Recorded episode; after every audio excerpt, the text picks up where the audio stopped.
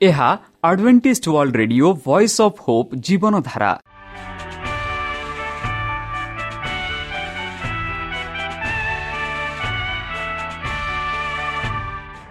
Odia radio କାର୍ଯ୍ୟକ୍ରମ ଯାହା ଆମର ଆନ୍ତର୍ଜାତୀୟ ଆଘାତ କେନ୍ଦ୍ରରୁ ପ୍ରସାରଣ କରାଯାଉଛି ପ୍ରତିଦିନ ରାତି ନଅଟା ତିରିଶ ମିନିଟ୍ରେ। ମୁଁ ସୁବ୍ରତ କୁମାର ପତି ପ୍ରେମର ସହ ଆପଣମାନଙ୍କୁ ଏହି କାର୍ଯ୍ୟକ୍ରମକୁ ସ୍ୱାଗତ କରୁଅଛି। ଚାଲନ୍ତୁ ଆଜିର ତିରିଶ ମିନିଟ୍ର କାର୍ଯ୍ୟକ୍ରମ ବିଷୟରେ ଜାଣିନେବା। ପ୍ରଥମେ ରଖିଛୁ ଆଧ୍ୟାତ୍ମିକ ଭକ୍ତିମୟ ଗୀତ। ଏହାପରେ ଶୁଣିବା ସ୍ୱାସ୍ଥ୍ୟ ବିଷୟରେ ଭକ୍ତଙ୍କଠାରୁ ଜୀବନଦାୟକ ଈଶ୍ୱରଙ୍କ ବାକ୍ୟ। ପ୍ରିୟ ଶ୍ରୋତା ତାହେଲେ ଚାଲନ୍ତୁ ଶୁଣିବା ଏକ ଆଧ୍ୟାତ୍ମିକ ଭକ୍ତିମୟ ଗୀତ। ଏହାପରେ ଶୁଣିବା ସ୍ୱାସ୍ଥ୍ୟ ସୂଚନା।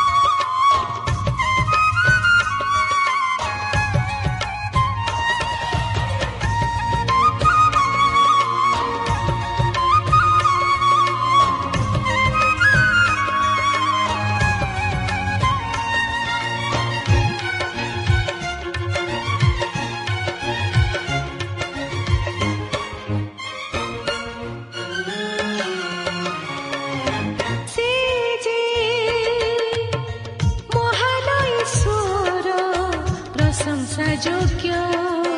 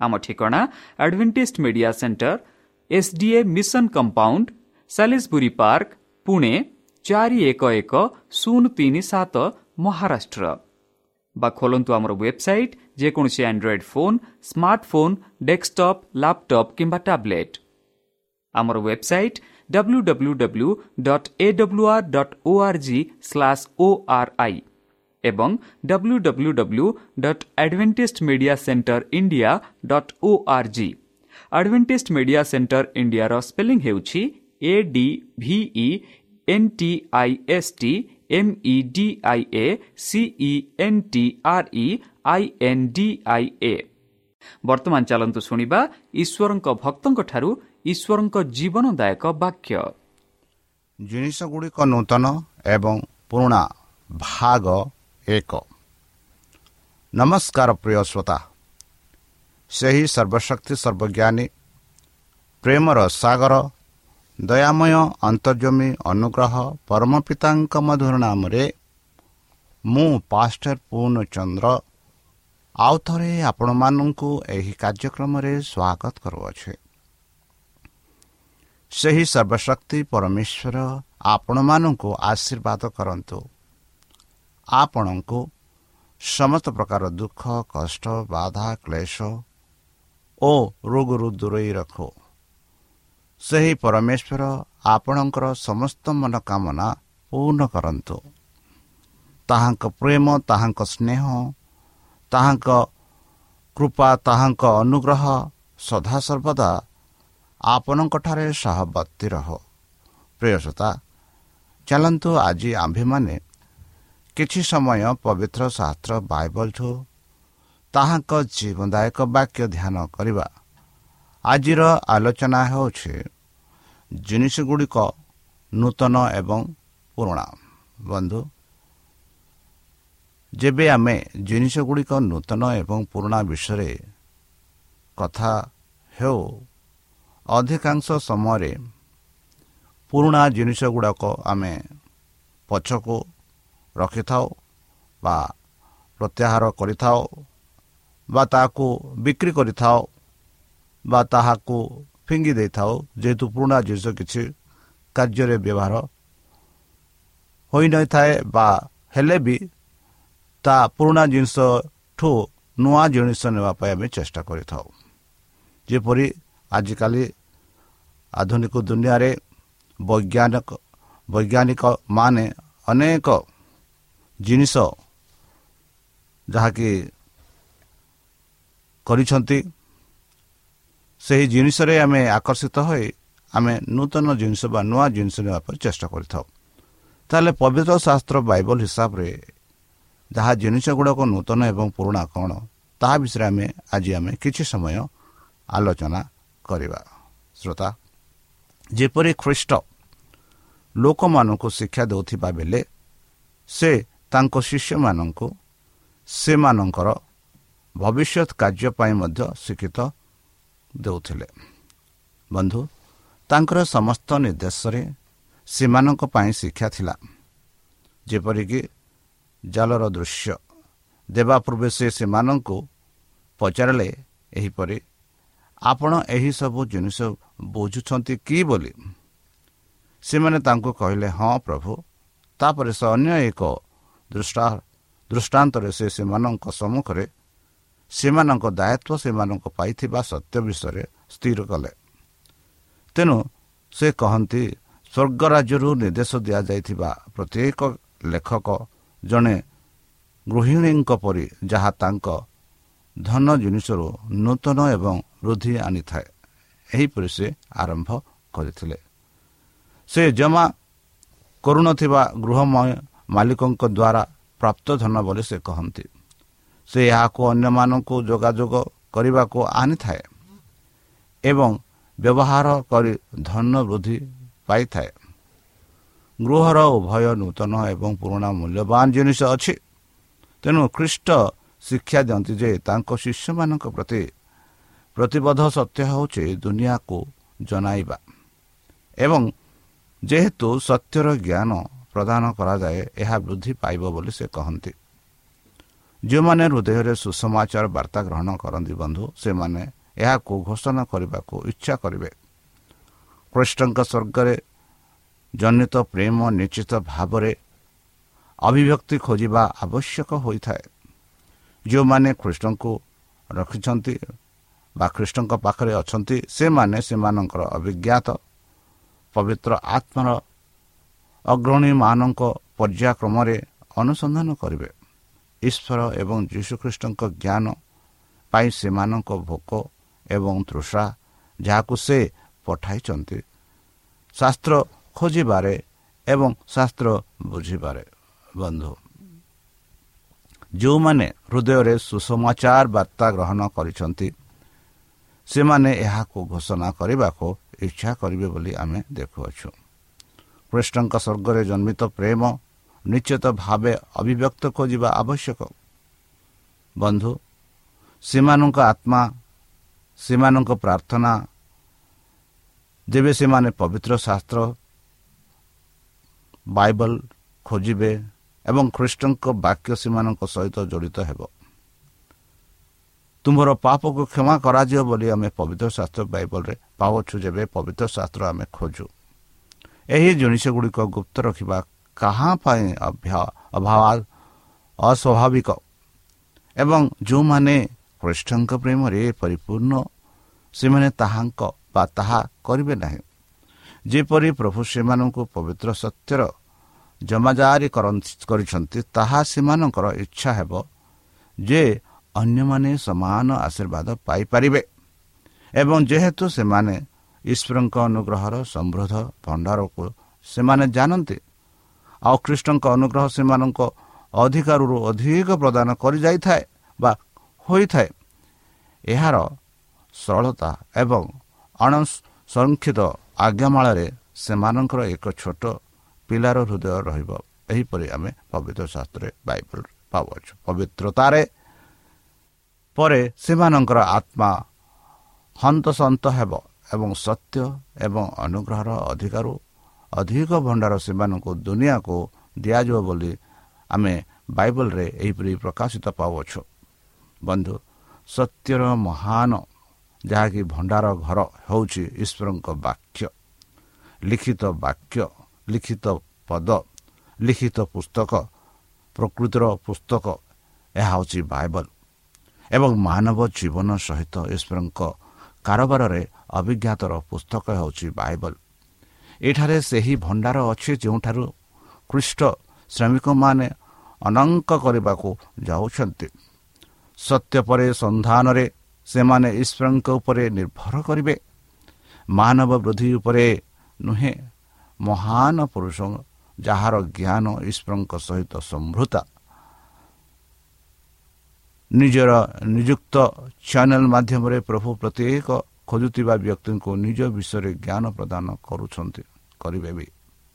ଯଦି ଖ୍ରୀଷ୍ଟଙ୍କ ଅନୁଗାମୀ ତାଙ୍କ ବାକ୍ୟକୁ ବିଶ୍ୱାସ କରିବେ ଏବଂ ଏହାକୁ ଅଭ୍ୟାସ କରିବେ ତେବେ ପ୍ରାକୃତିକ ଦୁନିଆରେ କୌଣସି ବିଜ୍ଞାନ ନାହିଁ ଯାହାକୁ ସେ ବୁଝିପାରିବେ ନାହିଁ ଏବଂ ପ୍ରଶଂସା କରିପାରିବେ ନାହିଁ। ଅନ୍ୟମାନଙ୍କୁ ସତ୍ୟ ପ୍ରଦାନ କରିବା ପାଇଁ ଏହା ତାଙ୍କୁ ଅର୍ଥ ପ୍ରଦାନ କରିବ ବ୍ୟତୀତ ଆଉ କିଛି ନାହିଁ ବୋଲି ଆମେ ପାଉଅଛୁ। ପ୍ରାକୃତିକ ବିଜ୍ଞାନ ହେଉଛି ଜ୍ଞାନର ଏକ ଭଣ୍ଡାର ଘର ଯେଉଁଠାରେ ଖ୍ରୀଷ୍ଟ ବିଦ୍ୟାଳୟର ପ୍ରତ୍ୟେକ ଛାତ୍ର ଅଙ୍କନ କରିପାରନ୍ତି। ବନ୍ଧୁ ଯେହେତୁ ଆମେ ପ୍ରକୃତିର ସୌନ୍ଦର୍ଯ୍ୟ ବିଷୟରେ ଚିନ୍ତା କରୁ ଯେହେତୁ ଆମେ ମାଟି ଚାଷ ଗଛର ଆବୃତ୍ତି ପୃଥିବୀ ଏବଂ ସମୁଦ୍ର ଏବଂ ଆକାଶର ସମସ୍ତ ଚମତ୍କାରରେ ଏହାର ଶିକ୍ଷା ଅଧ୍ୟୟନ କରୁ। ଆମ ପାଖକୁ ସତ୍ୟର ଏକ ନୂତନ ଧାରଣା ଆସିବ ଏବଂ ପୁରୁଷମାନଙ୍କ ସହିତ ଈଶ୍ୱରଙ୍କ କାରବାର ସହିତ ଜଡ଼ିତ ରହସ୍ୟ ମାନବ ଜୀବନରେ ଦେଖାଯାଉଥିବା ତାଙ୍କର ଜ୍ଞାନ ଏବଂ ବିଚାରର ଗଭୀରତା। ଏଗୁଡ଼ିକ ଧନରେ ସମୃଦ୍ଧ ଏବଂ ଭଣ୍ଡାର ଘୋର ବୋଲି ଜଣାପଡ଼ୁଅଛି। ବନ୍ଧୁ କିନ୍ତୁ ଲିଖିତ ବାକ୍ୟରେ ହଁ ଈଶ୍ୱରଙ୍କ ଜ୍ଞାନ ପତିତ ବ୍ୟକ୍ତିଙ୍କ ପାଇଁ ସବୁଠାରୁ ସ୍ପଷ୍ଟ ଭାବରେ ପ୍ରକାଶ ପାଇଛି। ଏହା ହେଉଛି ଖ୍ରୀଷ୍ଟଙ୍କ ଅସନ୍ଧନା ଯୋଗ୍ୟ ଧନର ଭଣ୍ଡାର ଘର। ଈଶ୍ୱରଙ୍କ ବାକ୍ୟରେ ପୁରୁଣା ନିୟମର ଶାସ୍ତ୍ର ସହିତ ନୂତନର ଶାସ୍ତ୍ର ଅନ୍ତର୍ଭୁକ୍ତ ବନ୍ଧୁ ଯାହା ଏବେ ଆଲୋଚନା କରୁଛୁ। ଗୋଟିଏ ଅନ୍ୟ ବିନା ସମ୍ପୂର୍ଣ୍ଣ ନୁହେଁ। ଖ୍ରୀଷ୍ଟ ଘୋଷଣା କରିଛନ୍ତି ଯେ ପୁରୁଣା ନିୟମର ସତ୍ୟତା ଯାହାକି ପୁରୁଣା ନିୟମ ଆମେ କହୁଅଛୁ ନୂତନ ମାନଙ୍କ ପରି ମୂଲ୍ୟବାନ ବୋଲି ଆମେ ବୁଝୁଅଛୁ। ଖ୍ରୀଷ୍ଟ ଦୁନିଆର ଆରମ୍ଭରେ ଯେତିକି ମନୁଷ୍ୟର ଉଦ୍ଧାର କର୍ତ୍ତା ଥିଲେ ସେ ଆଜି ପରି ଆଜି ବି ସେହିପରି ବନ୍ଧୁ। ସେ ମାନବିକତା ସହିତ ତାଙ୍କର ଦିବ୍ୟତାକୁ ପୋଷାକ ପିନ୍ଧି ଆମ ଦୁନିଆକୁ ଆସିବା ପୂର୍ବରୁ ସୁସମାଚାର ବାର୍ତ୍ତା ଆଦମ ଶ୍ଵେତ ହନକ ମେଥୁସଲା ଏବଂ ନହକୁ ଦେଇଥିଲେ। କାନାନରେ ଅବ୍ରାହମ ଓ ସୋଦମର ଲୋଟ ଏହି ବାର୍ତ୍ତା ପାଇଥିଲେ ଏବଂ ପିଢ଼ି ପରେ ପିଢ଼ି ବିଶ୍ୱାସଦୂତମାନେ ଜ୍ଞାନ ଘୋଷଣା କରିଥିଲେ। ଇହୁଦୀ ଅର୍ଥନୀତିର ରୀତିନୀତି ଖ୍ରୀଷ୍ଟ ନିଜେ ପ୍ରତିଷ୍ଠା କରିଥିଲେ। ସେ ସେମାନଙ୍କ ବଳିଦାନ ପ୍ରଦାନ ବ୍ୟବସ୍ଥାର ମୂଳଦୁଆ ଥିଲେ। ସେମାନଙ୍କର ସମସ୍ତ ଧାର୍ମିକ ସେବାର ମହାନ ବିରୋଧୀ ବଳିଦାନ ପ୍ରଦାନ କରାଯାଉଥିବାରୁ ରକ୍ତ ଈଶ୍ୱରଙ୍କ ମେଣ୍ଢାର ବଳିଦାନକୁ ସୂଚାଉଥିଲା। ସମସ୍ତ ସାଧାରଣ ଅଫର ତାଙ୍କ ଠାରେ ପୂରଣ ହେଉଥିଲା ବା ଦାନ ତାଙ୍କଠାରେ ପୂରଣ ହେଉଥିଲା ବନ୍ଧୁ। ଖ୍ରୀଷ୍ଟ ପିତୃପୁରୁଷମାନଙ୍କ ପାଇଁ ପ୍ରକାଶିତ କରିଥିଲେ ଯେପରି ବଳିଦାନ ସେବାରେ ପ୍ରତୀକ ଯେପରି ଆଇନରେ ଚରିତ୍ର ଚିତ୍ରିତ ଏବଂ ଭବିଷ୍ୟତ ଭକ୍ତମାନଙ୍କ ଦ୍ୱାରା ପ୍ରକାଶିତ ପୁରୁଣା ନିୟମର ଧନ। ଖ୍ରୀଷ୍ଟ ତାଙ୍କ ଜୀବନରେ ତାଙ୍କ ମୂଲ୍ୟ ଏବଂ ତାଙ୍କର ପୁନରୁତ୍ଥାନ ଖ୍ରୀଷ୍ଟ ଯେପରି ସେ ପବିତ୍ର ଆତ୍ମା ଦ୍ୱାରା ପ୍ରକାଶିତ ହୋଇଥିଲେ। ନୂତନ ନିୟମର ଭଣ୍ଡାର ଆମର ତ୍ରାଣକର୍ତ୍ତା ପିତାଙ୍କ ଗୌରବର ଉଜ୍ଜଳତା ଉଭୟ ପୁରୁଣା ଏବଂ ନୂତନ। ବନ୍ଧୁ ଖ୍ରୀଷ୍ଟଙ୍କ ଜୀବନ ଏବଂ ମୃତ୍ୟୁ ଏବଂ ପାରପାରିଷ୍କ ସମ୍ପର୍କ ଯାହା ଭବିଷ୍ୟତ ଭକ୍ତମାନେ ଭବିଷ୍ୟତବାଣୀ କରିଥିଲେ। ପୀଡ଼ିତମାନେ ସାକ୍ଷୀ ଭାବରେ ଆଗକୁ ଯିବାକୁ ଯାଉଥିଲେ। ଖ୍ରୀଷ୍ଟ ତାଙ୍କର ଅପମାନର ତାଙ୍କର ଶୁଦ୍ଧତା ଏବଂ ପବିତ୍ରତାରେ ତାଙ୍କ ଅତୁଳନୀୟ ପ୍ରେମର ସେମାନଙ୍କ ବିଷୟବସ୍ତୁ ହେବାକୁ ଥିଲା ବନ୍ଧୁ। ଏବଂ ଏହାର ପୂର୍ଣ୍ଣତାରେ ସୁସମାଚାର ପ୍ରଚାର କରିବା ପାଇଁ ସେମାନେ ସେମାନଙ୍କର ବିଷୟବସ୍ତୁ ହେବାକୁ ଥିଲା ବନ୍ଧୁ। ଏବଂ ଏହାର ପୂର୍ଣ୍ଣତାରେ ସୁସମାଚାର ପ୍ରଚାର କରିବା ପାଇଁ ସେମାନେ କେବଳ ତାଙ୍କ ଜୀବନ ଏବଂ ଶିକ୍ଷାରେ ପ୍ରକାଶିତ ତ୍ରାଣକର୍ତ୍ତାଙ୍କୁ ଉପସ୍ଥାପନା କରିବା ଆବଶ୍ୟକ ନୁହେଁ ବରଂ ପୁରୁଣା ନିୟମର ଭବିଷ୍ୟତ ବକ୍ତାମାନଙ୍କ ଦ୍ୱାରା ସର୍ବାଭାସ ଏବଂ ବଳିଦାନ ଦେବା ସେବା ଦ୍ୱାରା ପ୍ରତୀକ ହେବା ଆବଶ୍ୟକ ବନ୍ଧୁ ଖ୍ରୀଷ୍ଟ ତାଙ୍କ ଶିକ୍ଷାରେ ପୁରୁଣା ସତ୍ୟ ଉପସ୍ଥାପନା କରିଥିଲେ ଯାହାର ସେ ନିଜେ ପ୍ରବର୍ତ୍ତକ ସତ୍ୟ ଯାହା ସେ ପିତୃପୁରୁଷ ଏବଂ ଭବିଷ୍ୟତ ବକ୍ତାମାନଙ୍କ ମଧ୍ୟରେ କହିଥିଲେ। କିନ୍ତୁ ସେ ବର୍ତ୍ତମାନ ସେମାନଙ୍କ ଉପରେ ଏକ ନୂତନ ଆଲୋକପାତ କରିଛନ୍ତି। ସେମାନଙ୍କର ଅର୍ଥ କେତେ ଭିନ୍ନ ଦେଖାଗଲେ ତାଙ୍କ ବାଖ୍ୟା ଦ୍ୱାରା ଆଲୋକ ଏବଂ ଆଧ୍ୟାତ୍ମିକତାର ବନ୍ୟା ଜଣାଇଥିଲେ। ଏବଂ ସେ ପ୍ରତିଶ୍ରୁତି ଦେଇଥିଲେ ଯେ ପବିତ୍ର ଆତ୍ମା ଶିଷ୍ୟମାନଙ୍କୁ ଜ୍ଞାନ ଦେବା ଉଚିତ। ଈଶ୍ୱରଙ୍କ ବାକ୍ୟ ସେମାନଙ୍କ ପ୍ରତି କେବଳ ଉନ୍ନତିର ହେବା ଉଚିତ। ସେମାନେ ଏହାର ସତ୍ୟକୁ ନୂତନ ସୌନ୍ଦର୍ଯ୍ୟରେ ଉପସ୍ଥାପନା କରିବାକୁ ସକ୍ଷମ ହେବେ। ବନ୍ଧୁ ଯେତେ ଯେବେଠାରୁ ଏଦନର ମୁକ୍ତିର ପ୍ରଥମ ପ୍ରତିଶ୍ରୁତି କୁହାଯାଇଥିଲା ବା ଆହ୍ୱାନ କରାଯାଇଥିଲା ବା ପ୍ରଦାନ କରାଯାଇଥିଲା ଖ୍ରୀଷ୍ଟଙ୍କ ଜୀବନ ଚରିତ୍ର ଏବଂ ମଧ୍ୟସ୍ଥି କାର୍ଯ୍ୟ ମାନବ ମନର ଅଧ୍ୟୟନ ହୋଇଅଛି ବନ୍ଧୁ ତଥାପି ପବିତ୍ର ଆତ୍ମା ଯେଉଁମାନଙ୍କ ମାଧ୍ୟମରେ କାମ କରିଛନ୍ତି ପ୍ରତ୍ୟେକ ମନ ଏହି ବିଷୟବସ୍ତୁ ଏକ ଆଲୋକର ଉପସ୍ଥାପନା କରିଛନ୍ତି ଯାହା ସତେଜ ଏବଂ ନୂତନ ମୁକ୍ତିର ସତ୍ୟ କ୍ରମାଗତ ବିକାଶ ଏବଂ ସମ୍ରାସରରେ ସକ୍ଷମ ଯଦିଓ ବୃଦ୍ଧ ସେମାନେ ସର୍ବଦା ନୂତନ ସତ୍ୟ ପାଇଁ ଖୋଜୁଥିବା ବ୍ୟକ୍ତିଙ୍କୁ କ୍ରମାଗତ ଭାବରେ ଏକ ବୃହତ ଗୌରବ ଏବଂ ଏକ ଶକ୍ତିଶାଳୀ ଶକ୍ତି ପ୍ରକାଶ କରନ୍ତି। ବନ୍ଧୁ ପ୍ରତ୍ୟେକ ଯୁଗରେ ସତ୍ୟରେ ଏକ ନୂତନ ବିକାଶ ଅଛି। ସେହି ପିଢ଼ିର ଜନସାଧାରଣଙ୍କ ପାଇଁ ଈଶ୍ୱରଙ୍କ ବାର୍ତ୍ତା। ପୁରୁଣା ସତ୍ୟ ସବୁ ଜରୁରୀ ନୂତନ ସତ୍ୟ ପୁରୁଣାମାନଙ୍କ ମଧ୍ୟରୁ ସ୍ୱାଧୀନ ନୁହେଁ ବରଂ ଏହାର ଏକ ଉନ୍ନତ ପୁରୁଣା ସତ୍ୟଗୁଡ଼ିକ ବୁଝିବା ପରେ ହିଁ ଆମେ ନୂତନକୁ ବୁଝିପାରିବା। ଯେତେବେଳେ ଖ୍ରୀଷ୍ଟ ତାଙ୍କ ଶିଷ୍ୟମାନଙ୍କ ପାଇଁ ତାଙ୍କ ପୁନରୁତ୍ଥାନର ସତ୍ୟତାର ସତ୍ୟତାର ଖୋଜିବାକୁ ଇଚ୍ଛା କଲେ ସେ କହିଲେ ମଶା ଏବଂ ସମସ୍ତ ଭବିଷ୍ୟତ ବକ୍ତାମାନେ ଏହିପରି ଲେଖନ୍ତି ବୋଲି। ବନ୍ଧୁ ତାହା ହେଉଛି ଆଲୋକ ଯାହା ସତ୍ୟର ସତେଜ ଉନ୍ମୋଚନରେ ଉଜ୍ଜଳ ହୁଏ ଯାହା ପୁରୁଣା ଗୌରବାନ୍ୱିତ କରେ ଯିଏ ନୂତନ ପ୍ରତ୍ୟାଖ୍ୟାନ କିମ୍ବା ଅବହେଳା କରେ ସେ ପ୍ରକୃତିରେ ପୁରୁଣାର ଅଧିକାରୀ ନୁହେଁ ତାଙ୍କ ପାଇଁ ଏହା ଏହାର ଗୁରୁତ୍ୱପୂର୍ଣ୍ଣ ଶକ୍ତି ହରାଇଥାଏ ଏବଂ ଏକ ନିର୍ଜୀବ ରୂପ ପରି ପରିଣତ ହୋଇଥାଏ ବନ୍ଧୁ ସେଠାରେ ଅଛନ୍ତି ଯେଉଁମାନେ ବିଶ୍ୱାସ କରନ୍ତି ଏବଂ ପୁରୁଣା ନିୟମର ସତ୍ୟ ଶିକ୍ଷା ଦିଅନ୍ତି ଯେତେବେଳେ ସେମାନେ ନୂତନର ପ୍ରତ୍ୟାଖ୍ୟାନ କରନ୍ତି କିନ୍ତୁ ଖ୍ରୀଷ୍ଟଙ୍କ ଶିକ୍ଷା ଗ୍ରହଣ କରିବାକୁ ମନା କରିବାରେ ସେମାନେ ଦର୍ଶାନ୍ତି ଯେ ସେମାନେ ବିଶ୍ୱାସ କରନ୍ତି ନାହିଁ ଯେଉଁ ପିତୃପୁରୁଷ ଏବଂ ଭବିଷ୍ୟତ ଭକ୍ତାମାନେ କହିଛନ୍ତି। ଖ୍ରୀଷ୍ଟ କହିଛନ୍ତି ଯଦି ତୁମେ ମଶାଙ୍କୁ ବିଶ୍ୱାସ କରିଥାନ୍ତେ ତୁମେ ମୋତେ ବିଶ୍ୱାସ କରିଥାନ୍ତେ କାରଣ ସେ ମୋ ବିଷୟରେ ଲେଖିଥିଲେ।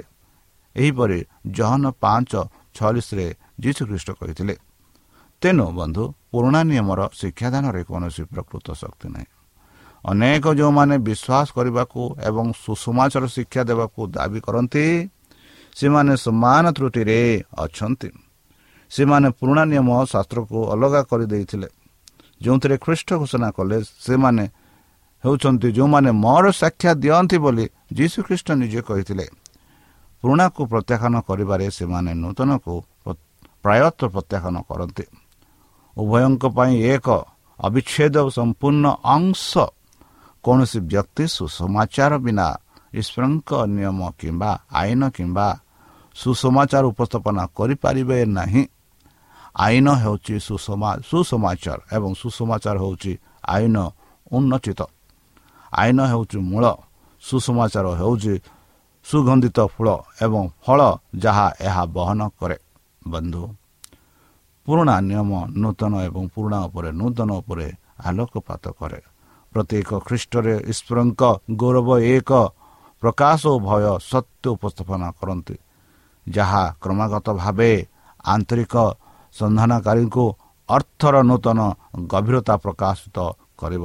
ବନ୍ଧୁ ଖ୍ରୀଷ୍ଟ ଏବଂ ଖ୍ରୀଷ୍ଟଙ୍କ ମାଧ୍ୟମରେ ସତ୍ୟ ମପାହୀନ ଶାସ୍ତ୍ରର ଛତ୍ର ଯେପରି ଥିଲା ଏକ ଝରଣାରେ ଦେଖନ୍ତି ଯାହା ଗଭୀର ଏବଂ ବ୍ୟାପକ ହୁଏ ଯେହେତୁ ସେ ଏହାର ଗଭୀରତାକୁ ଚାହୁଁଥାଏ।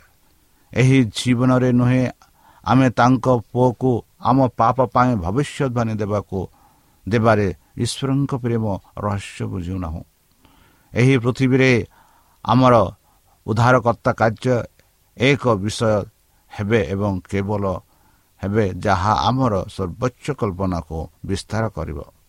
ଏହି ରହସ୍ୟକୁ ଜାଣିବା ପାଇଁ ମଣିଷ ପ୍ରତି ଏକ ମାନସିକ ଶକ୍ତି ଉପରେ ଟିକଟ ଲଗାଇବାକୁ ଚେଷ୍ଟା କରିପାରେ କିନ୍ତୁ ତାଙ୍କ ଦୁର୍ବଳ ଏବଂ କ୍ଳାନ୍ତ ହୋଇଯିବେ। ସବୁଠାରୁ ପରିଶ୍ରମୀ ସନ୍ଧାନକାରୀ ତାଙ୍କ ଆଗେଇ ଏକ ଅସୀମ କୂଳହୀନ ସମୁଦ୍ର ଦେଖିବେ। ବନ୍ଧୁ ଯୀଶୁଙ୍କ ମାଧ୍ୟମରେ ଯେପରି ସତ୍ୟ ଅନୁଭବ ହୋଇପାରିବ କିନ୍ତୁ କେବେ ବାଖ୍ୟା କରାଯିବ ନାହିଁ। ଏହାର ଉଚ୍ଚତା ଏବଂ ପ୍ରାସ୍ତ ଏବଂ ଗଭୀରତା ଆମର ଜ୍ଞାନକୁ ଅତିକ୍ରମ କରେ। ଆମେ ଆମର କଳ୍ପନାକୁ ଯଥାସମ୍ଭବ କାର୍ଯ୍ୟ କରିପାରିବା ଏବଂ ତାପରେ ଆମେ କେବଳ ଏକ ପ୍ରେମର ସ୍ୱରୂପ ରୂପରେଖ ଚୁତ କରିବୁ ଯାହା ଅସ୍ପଷ୍ଟ ଯାହା ସ୍ୱର୍ଗ ପରି ଉଚ୍ଚ କିନ୍ତୁ ଏହା ସମସ୍ତ ମାନବ ଜାତି ଉପରେ ଈଶ୍ୱରଙ୍କ ଭାବମୂର୍ତ୍ତିକୁ ପମ୍ପ କରିବା ପାଇଁ ପୃଥିବୀକୁ ଆସିଥିଲେ। ବନ୍ଧୁ ତଥାପି ଆମ ପାଇଁ ଯାହା କିଛି ଲେଖିବା ସମ୍ଭବ ଯାହା ଆମେ ଦିବ୍ୟ କରୁଣା ବହନ କରିପାରିବା। ଏହା ନମ୍ର ଆତ୍ମା ଏକ ଉନ୍ନଚୁତ ହୁଏ। ଆମେ ଆମ ପାଇଁ ଈଶ୍ୱରଙ୍କ ବଳିଦାନକୁ ପ୍ରଶଂସା କରୁଥିବା ବେଳେ ଆମେ କେବଳ ଅନୁପାତରେ ଈଶ୍ୱରଙ୍କ କରୁଣା ବୁଝିବା ଯେହେତୁ ଆମେ ହୃଦୟର ନମ୍ରତାରେ ଈଶ୍ୱରଙ୍କ ବାକ୍ୟ ଖୋଜୁଛୁ। ମୁକ୍ତିର ମହାନ ବିଷୟବସ୍ତୁ ଆମର ଗବେଷଣା ପାଇଁ ଖୋଲିବ। ଆମେ ଏହାକୁ ଧରି ରଖିବା ବେଲେ ଏହା ଉଜ୍ଜଳତା ବୃଦ୍ଧି ପାଇବ ଏବଂ ଯେହେତୁ ଆମେ ଏହାକୁ ବୁଝିବାକୁ ଇଚ୍ଛା କରୁ ଏହାର ଉଚ୍ଚତା ଏବଂ ଗଭୀରତା କେବେ ବୃଦ୍ଧି ପାଇବ? ବନ୍ଧୁ ଆମ ଜୀବନ ଖ୍ରୀଷ୍ଟଙ୍କ ଜୀବନ ସହିତ ବନ୍ଧା ହେବା। ଆମେ ତାଙ୍କଠାରୁ କ୍ରମାଗତ ଭାବେ ଆକର୍ଷିତ ହେବାକୁ ଯାଉଛୁ। ତାଙ୍କଠାରୁ ଅଂଶଗ୍ରହଣ କରିବା ସ୍ୱର୍ଗର ତଳକୁ ଆସୁଥିବା ଜୀବନ୍ତ ରୁଟି ସର୍ବଦା ସତେଜ ଝରଣାରୁ ଅଙ୍କନ କରିବା। ଏହାର ପ୍ରଚୁର ଭଣ୍ଡାର ହେବ ଯଦି ଆମେ ପ୍ରଭୁଙ୍କୁ ଆମ ଆଗରେ ରଖିଥିବା। ତେବେ ଆମେ ହୃଦୟକୁ ଧନ୍ୟବାଦ ଏବଂ ତାଙ୍କୁ ପ୍ରଶଂସା କରିବାକୁ ଅନୁମତି ଦେବା। ତେବେ ଆମର ଧାର୍ମିକତା ଜୀବନରେ ଆମର ନିରନ୍ତର ସତେଜତା ରହିବ। ତାହେଲେ ଚାଲନ୍ତୁ ବନ୍ଧୁ ଏହି କଥାରେ ଏହି ଆଶାରେ ସେହି ସଦାପ୍ରଭୁ ପରମେଶ୍ୱରଙ୍କ ନାମରେ ଆମେ ପ୍ରାର୍ଥନା କରିବା। ହେ ଆମମାନଙ୍କ ସ୍ୱର୍ଗତ ପିତା ଧନ୍ୟବାଦ ଅର୍ପଣ କରୁଛୁ ପ୍ରଭୁ। ବର୍ତ୍ତମାନ ଯେଉଁ ବାକ୍ୟ ତୁମ ସବୁ ଭକ୍ତ ଶୁଣେଇଲେ ସେହି ବାକ୍ୟ ଅନୁସାରେ ଆମମାନଙ୍କୁ ଚାଲିବା ପାଇଁ ବୁଦ୍ଧିରେ ଜ୍ଞାନରେ ଶକ୍ତିରେ ପରିପୂର୍ଣ୍ଣ କର। ଆମ ପାପ ସବୁ ତୁମ ସେହି ବହୁମୂଲ୍ୟ ରକ୍ତରେ ପରିଷ୍କାର ରୂପେ ଧୋଇଦିଅ।